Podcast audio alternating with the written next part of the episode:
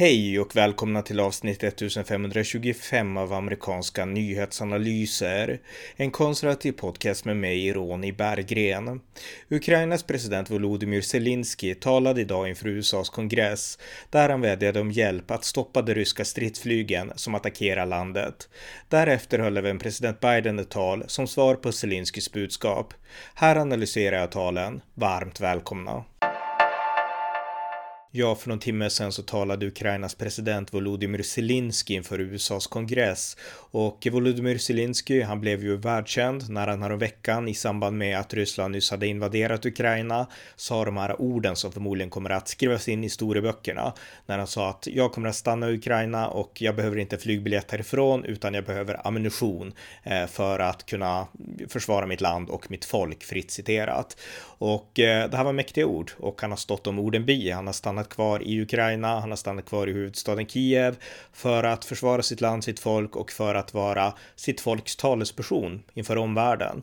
Och eh, vi som har följt nyheterna vi har ju kunnat se Volodymyr Zelensky tala inför demonstranter i Georgien. Georgien var ju det här landet som Ryssland invaderade först, redan 2008, innan man invaderade först Ukraina 2014 och sen nu då 2022. Eh, Zelensky har talat inför EU-parlamentet för några dagar sedan. Han har pratat i Sverige på Sveriges Television där han vädjade om eh, sådana här Carl Gustav antitankvapen och eh, han talade häromdagen inför det brittiska parlamentet och där slog han då an på Storbritanniens egen historia när eh, Nazityskland, Luftwaffe bombade London och eh, han parafraserade Winston Churchill och han sa Zelenskyj då att eh, vi kommer att eh, kämpa på Eh, i skogarna och kämpa på eh, liksom flodbäddarna och så vidare. Parafrasering av Churchill då, för att då slå an på den här brittiska patriotismen och på så vis hoppa få hjälp, hoppas få hjälp. För det är det som är syftet när Zelensky talar till världen. Han vill ha hjälp i kriget mot eh, Ryssland, mot den här imperialistiska invasionsmakten som leds av Vladimir Putin. Och eh, nu när han talade då ikväll inför, eller idag inför USAs kongress, då var det samma vädjan. Han ville att USA skulle bistå Ukraina och han ville främst ta hjälp att eh, säkra skyarna, att eh, liksom stoppa de här ryska stridsflygen som Ukraina har väldigt svårt att bemöta. Och det har inte gått så bra för Ryssland där heller som ryssarna hade trott, men fortfarande så kan ju såklart ryskt eh, stridsflyg bringa enorm förödelse på byggnader mot civila och liknande. Och där har Ukraina väldigt små möjligheter att verkligen fightas på allvar, för de har inga egna stridsflyg. Och det fanns ju ett förslag från Polen Polen om att ge polska MIG-plan, de här gamla Sovjetplanen, till Ukraina och eh, Polen var beredd att göra det, men man ville ha USA som mellanhand eh, och USA ville inte det, för då kunde det framstå som en NATO-operation och det är det man vill undvika då, en stor konfrontation mellan Ryssland och NATO, därför att då kan det bli kärnvapenkrig. Eh, hur pass, ja, jag personligen anser att man ska trappa upp lite mer. Sen så finns det logik i det tänkandet och eh, man ska ha stor respekt för ehm, eh, alla NATOs chefer och för Joe Biden och alla de här som liksom verkligen verkligen inte vill att kriget ska spridas, för det vill ju ingen såklart. Och absolut ingen vill ha kärnvapenkrig. Men eh, så att man måste hitta en balans här. Men det beslut som väst ändå har tagit är att vi ska inte skicka flyg. Och då ville Polen göra den här mellanhandsvägen. USA sa nej, så att han kommer nog inte att få hjälp om, med, med, just direkta flyg som det ser ut nu i alla fall. Men det var ändå det som var hans stora, hans stora vädjan i det här talet. Hjälp oss att stänga skyarna. Eh, han hade i talet också ett, eh, ett, han spelade i talet också ett videoklipp för att illustrera liksom situationen i Ukraina. Och den första delen av den här videon, det var på hur Ukraina såg ut innan kriget. Då kunde man se de här städerna, Charkiv, Kiev och så vidare. Hela vackra, stora städer med vacker arkitektur och glada, lyckliga människor som, som levde och bodde i de här städerna. Och eh, sen kom då del två i den här videon där man kunde se hur ryssarna bombade, flygen kom in och liksom sköt missiler och bombade och eh, man fick se byggnader raseras, man fick se skadade barn, kvinnor som grät och män som fick skiljas från sina barn för att de skulle ut i krigstjänstföring. Man fick se ja, döda tror jag människor och massgravar och sådana saker och allt det här fruktansvärda som Ryssland har ställt till nu bara de senaste två, tre veckorna. Och eh, ja, det var, det var en väldigt stark och emotionell video. Och eh, ja, väldigt berörande och man märkte också på, på, på publiken som satt i kongressen eh, som, ja det var ju både republikaner att, och demokrater att alla blev berörda liksom och tyckte att det här var starkt och, eh, och så. Och eh, ja, eh, sen så hade han också ett sidoförslag. Han föreslog någonting som man skulle kunna beteckna som en Rapid Response Force, alltså en styrka, en insatsstyrka typ som skulle kunna komma och bistå när det uppstår krig runt om i jorden eller katastrofer och bistå inom 24 timmar med humanitär hjälp och ibland även med krigsmaterial då för att rädda människor. Och eh, jag tyckte det här var en jätteintressant idé därför att det är en idé som jag själv har drivit sedan 2011. Då skrev jag en artikel om just den idén och även en text i DN 2020 faktiskt. Så att eh, ja, jag tyckte det var kul att Zelensky också hade den här idén om en Rapid Response Force för att kunna agera snabbt vid katastrofer i världen. Men det var inte huvudbudskapet utan huvudbudskapet i hans tal det var liksom att hjälpa oss att stänga skyarna, hjälpa oss att stoppa liksom de de eh, ryska flygen och han slog även här an såklart på USAs historia. Han nämnde Mount Rushmore, USAs författningsfäder och att USA var liksom demokratins högborg och nu var det återigen en kamp mellan liksom frihet, demokrati och den här fruktansvärda totalitarismen som Putin står för. Så att det var det han sa. Och eh, Zelensky avslutade talet på engelska. Engelska är ju inte hans modersmål, han kan inte, han kan engelska, men han pratar inte engelska så det är jättebra, inte för att vara alltså, ja, de flesta svenskar kan engelska bättre då. Men, men liksom, han, han kan engelska och eh, på slutet av talet så talade han engelska och jag spelade klippet här. För den övriga delen av talet, det var en tolk som översatte bara, så det är kanske inte lika intressant att höra i en podd så här. Men här slutet av talet där Zelensky själv talar och riktar sig då direkt till Joe Biden på engelska. Today, today it's not enough to be the leader of the nation. Today it takes to be the leader of the world. Being the leader of the world means to be the leader of peace. Peace in your country doesn't depend anymore only on you and your people. It depends on those next to you, on those who are strong. Strong doesn't mean weak. Strong is brave and ready to fight for the life of his citizens and citizens of the world. for human rights, for freedom, for the right to live decently and to die when your time comes, and not when it's wanted by someone else, by your neighbor. Today, the Ukrainian people are defending not only Ukraine, we are fighting for the values of Europe and the world, sacrificing our lives in the name of the future. That's why today the American people are helping not just Ukraine, but Europe and the world to keep the planet alive, to keep justice in history. Now I'm almost 45 years old. Today my age stopped when the heart of more than 100 children stopped beating. I see no sense in life if it cannot stop the death. And this is my main mission as the leader of my people, great Ukrainians. And as the leader of my nation, I am addressing the President Biden. You are the leader of the nation, of your great nation. I wish you to be the leader of the world being the leader of the world means to be the leader of peace. Thank you. Slava Ukraini!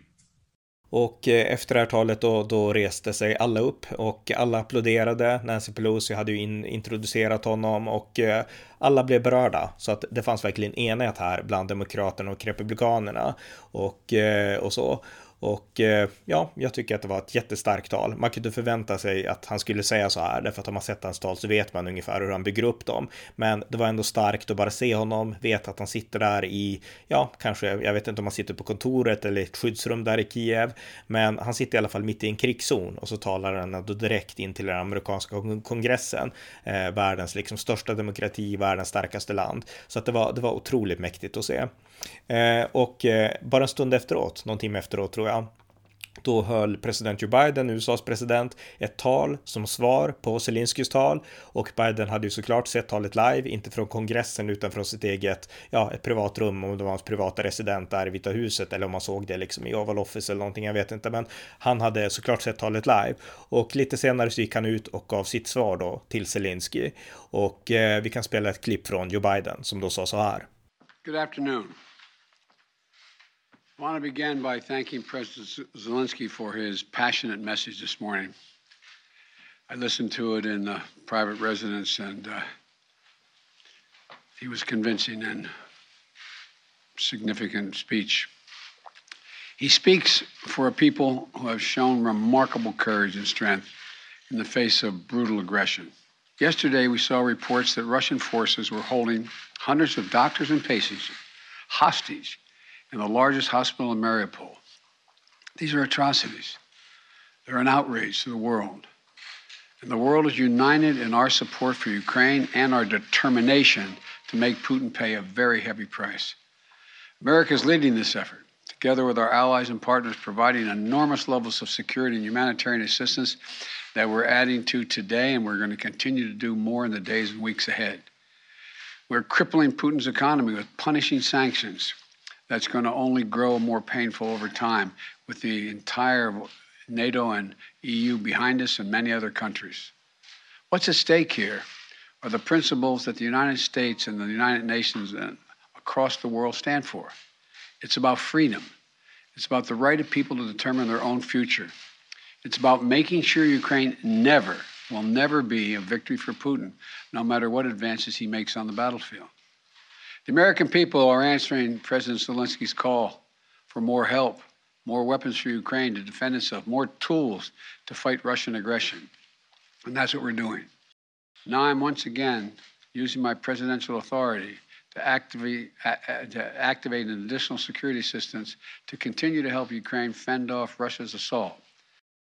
This new package on its own is going to provide unprecedented assistance to Ukraine it includes 800 anti-aircraft systems to make sure the Ukrainian military can continue to can continue to stop the planes and helicopters that have been attacking their people and to defend their Ukrainian airspace.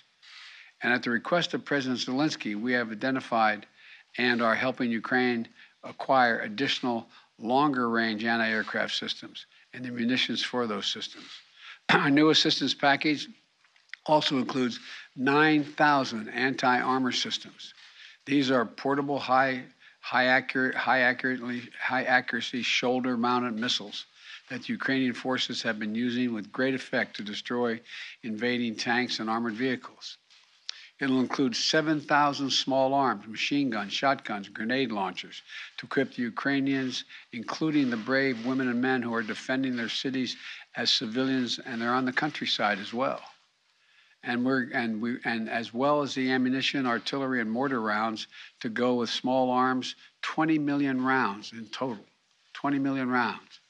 And this will include drones, which which uh, demonstrates our commitment to sending our most cutting-edge systems to Ukraine for its defense. And we're not doing this alone.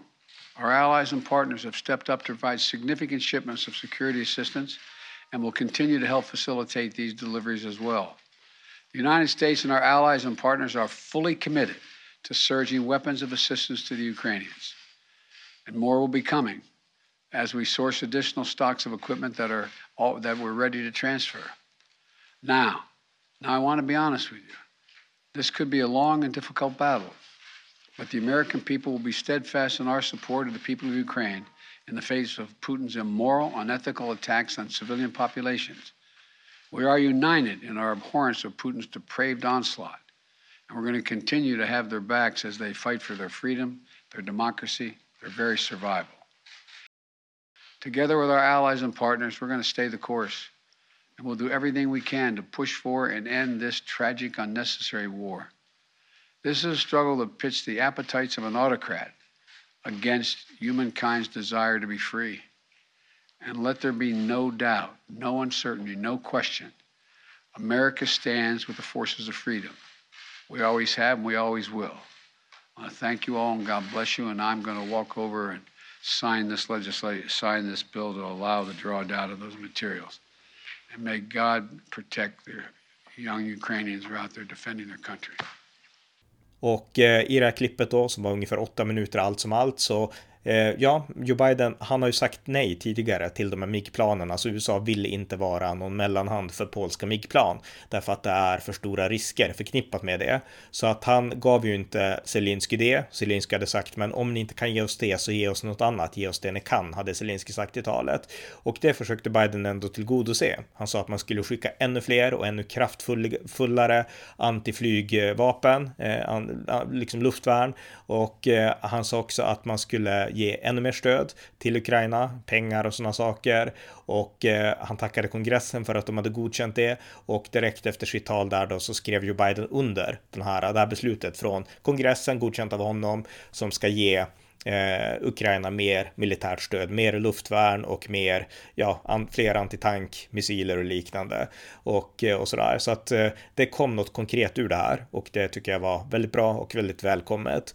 Och eh, ja, även om kanske nu väst har en annan syn än, än vad Zelenskyj har på flygplan så gjorde man ändå något och det är det som är det viktiga här. Och även den här kopplingen att Zelenskyj kan koppla. Jag menar, tänk om Ukraina inte hade haft en ledare som Zelenskyj. Tänk om de hade haft en ledare som Afghanistan, Ashraf Ghani som schappade, han drog så fort talibanerna närmade sig Kabul och eh, landet la sig platt för talibanerna. Det är ett faktum. Eh, Ukraina har gjort helt motsatsen. De har stått upp, kämpat för varje millimeter mot en fiende som är mycket mäktigare än talibanerna och eh, som, eh, ja, och eh, Zelenskyj har med fara för sitt eget liv stannat kvar i huvudstaden och lett landet, men också varit den här rösten inför omvärlden. Jag menar, tänk om Ukraina inte hade haft Zelenskyj som alla i hela världen kan se på tv varje dag nu. Då hade vi typ glömt den här konflikten och vi har tänkt bara, ah, vad tråkigt att det händer ungefär, vilket humanitärt lidande. Men nu kan vi se en ledare och med en ledare, när man kan se en ledare så kan man också se ett hopp för landet. Ett hopp för att kriget kan vinnas, ett hopp för en ny och bättre framtid för Ukraina. Det är det man kan se när det reser sig starka ledare vid rätt tillfällen. Och Zelenskyj är en stark ledare och det här är helt rätt tillfälle för honom att resa sig. Så att jag menar, vi bör tacka, verkligen vara tacksamma för att Ukraina och eh, vi med Ukraina har fått en sån ledare i Volodymyr Zelensky. För faktum är att Ukraina är ett front, en front, ett, ett slagfält, inte bara för Ukraina utan för hela Europa. Vladimir Putins plan det är att återupprätta det ryska imperiet. Hade han inte tagit Ukraina så hade han gått någon annanstans. Han försökte med Georgien 2008 och Baltikum ligger definitivt i liksom Putins fokus. Han hade också, eh, ja, om det hade gått snabbt att ta Ukraina, då hade han också kunnat börja planera nästa steg och kanske sätta upp missilramper och liknande i Ukraina eh, och eh, göra det till nästa front ännu djupare in i Europa. Så att vi har verkligen Zelenskyj att tacka för allt för att han stod upp för Europa med, med liksom, för att han står upp för Europa med det han gör nu med att vara eh, ja, en hjälte där mitt i liksom en krigszon. Så att eh, jag är djupt imponerad av det här talet som Zelenskyj höll och jag är glad att ändå Biden tillgodosåg det så gott han kunde. Det finns ju mycket att gnälla på när det gäller Biden, liksom att han var för sen och för sövlig och så här i responsen, men han är liksom eh, commander in chief för västvärldens stora militärparaply, för västvärldens starkaste militärmakt och för världens enda supermakt. Så att nu är det Biden vi har ty oss till och eh, han har hakat på på det sätt han kan och vill bakom Zelenskyj nu och det är bara att eh, fortsätta stå enade så att jag kommer inte säga något illa om Joe Biden här, utan det, vi måste stå enade helt enkelt och göra allt som vi, det vi tycker är bäst för Ukraina just nu och för att stå emot Vladimir Putins aggressioner. Så att det var lite kort om eh, Zelenskyjs tal och Joe Bidens svar och nu lite grann om Sveriges Radio och deras beskrivning av talet och så här. Ja, jag tänkte avsluta den här podden med lite kritik mot Sveriges Radio. och Det var så här att jag satt i bilen för en stund sedan och då lyssnade jag på radion på P1 som jag brukar göra när jag kör bil och eh, där pratade de då om, eh, om talet som Zelenskyj hade hållit nu ikväll då, eller idag inför USAs kongress. Och eh, ja, de sammanfattade talet. Det går inte att göra så mycket annat och eh, finns inget att anmärka på det. Men däremot så sen när de skulle göra själva analysen, då var de helt, ja, de kände sig väl tvingade att på något sätt eh, kasta skit på Donald Trump och eh, komma med det här att Donald Trump var en Putin-vän och att han liksom, han var emot NATO och liknande. Och det här är överdrifter och felaktigheter och egentligen bara demokratisk valpropaganda från 2016 ompaketerat. Eh, förvisso är det så att Trump gjorde en del enskilda uttalanden, men de blev upplåsta och felaktigt liksom förstorade. Därför att i praktiken så drev Trump ingen mjuk politik mot Ryssland. Han drev ganska tuff politik mot Ryssland. Det som drev mjuk politik har jag sagt många gånger förut. Det var demokraterna under Barack Obama. Det var de som avskaffade Bush-administrationens planer på ett missilsystem i Polen och Tjeckien och de ville avskaffa det på grund av att Putin ville det. Och eh, det var Barack Obama som i presidentvalet 2012 när han utmanades av republikanen Mitt Romney och Romney då sa att Ryssland är det stora geopolitiska hotet och det avfärdades av Obama som sa att du lever kvar på 80-talet. Eh, Demokraterna är det mjuka partiet i förhållande till Putins Ryssland. Demokraterna under Barack Obama, de skickar inga offensiva vapen till Ukraina efter intaget, ryska intagandet av Krim 2014, utan den som ökade och trappade upp, trappade upp de här offensiva vapnen, det var Donald Trump som skickade de här omtalade Javelin Missiles. Och eh, så, så att det, jag tycker att man ger inget bra perspektiv, utan här handlar det om att Donald Trump, titta, han la sig platt för Ryssland. Medan det var inte riktigt så, inte i praktiken, utan i praktiken så var det Demokraterna som gjorde det. Sen hade man en intressant aspekt i det här programmet och det var när man skildrade eh, riksrätten 2019 mot Donald Trump och upptakten och bakgrunden till den. Och bakgrunden var ju att Donald Trump hade ringt eh, Ukrainas då nytillträdde president Volodymyr Zelensky sommaren 2019 och bett honom granska Bursima Holdings i Ukraina där Hunter Biden, Joe Bidens son, var eh, satt i styrelsen och han ville att Zelensky skulle granska eh, de här teorierna om någon hårddisk i Ukraina och eh, ja, Zelensky nickade väl och gick med på det därför att han ville hålla sig på god fot med USA och Trump indikerade ju där att ja, för annars kanske du inte får något militärt stöd från, från oss från USA. Och eh, där menade ju många då att eh, Trump hotade med att undanhålla militärt stöd om inte liksom ja, Zelensky gjorde som han, ah, han hade bett Donald Trump. Och eh, mycket riktigt så uppehöll stödet också i några veckor eller om det var månader där hösten 2019. Eh, Vita huset menade själv att det berodde på att det fanns korruption i Ukraina och vi vet ju att det fanns. Zelensky har också haft olika så här pengar på skatteparadis och liknande så att korruption fanns, det vet vi liksom. Ukraina har en lång historia av det eh, och så. Men förmodligen så hade ju Donald Trump också sina egna motiv och, och sådär. Men i alla fall när pengarna väl släpptes, då gick de till rejält militärt stöd för Ukraina, inklusive sådana här Javelin missiles och liknande. Och eh, Trump gav också mycket annat stöd till Ukraina, så Trump var inte mjuk, utan han gav stöd till Ukraina trots sina olika intriger där. Och eh, när det gäller NATO så hade visserligen Trump kritik, kritik, men kritiken var primärt mot att NATO-länderna betalar inte sina obligatoriska 2% i försvaret, utan de freeridar på USA. Och eh, det tyckte Trump inte om och det med rätta skulle jag tycka då. Och Donald Trump han eh, var också kritisk till Angela Merkel, att hon gjorde Tyskland beroende av rysk gas och sa att du kan lika gärna, eh, han sa enligt egen utsago att han hade gett henne en vit servett vid ett tillfälle och sagt att här har du en flagga, vifta med den här när ryssarna kommer liksom. Och på så vis kritiserat liksom eh, Nord Stream 2.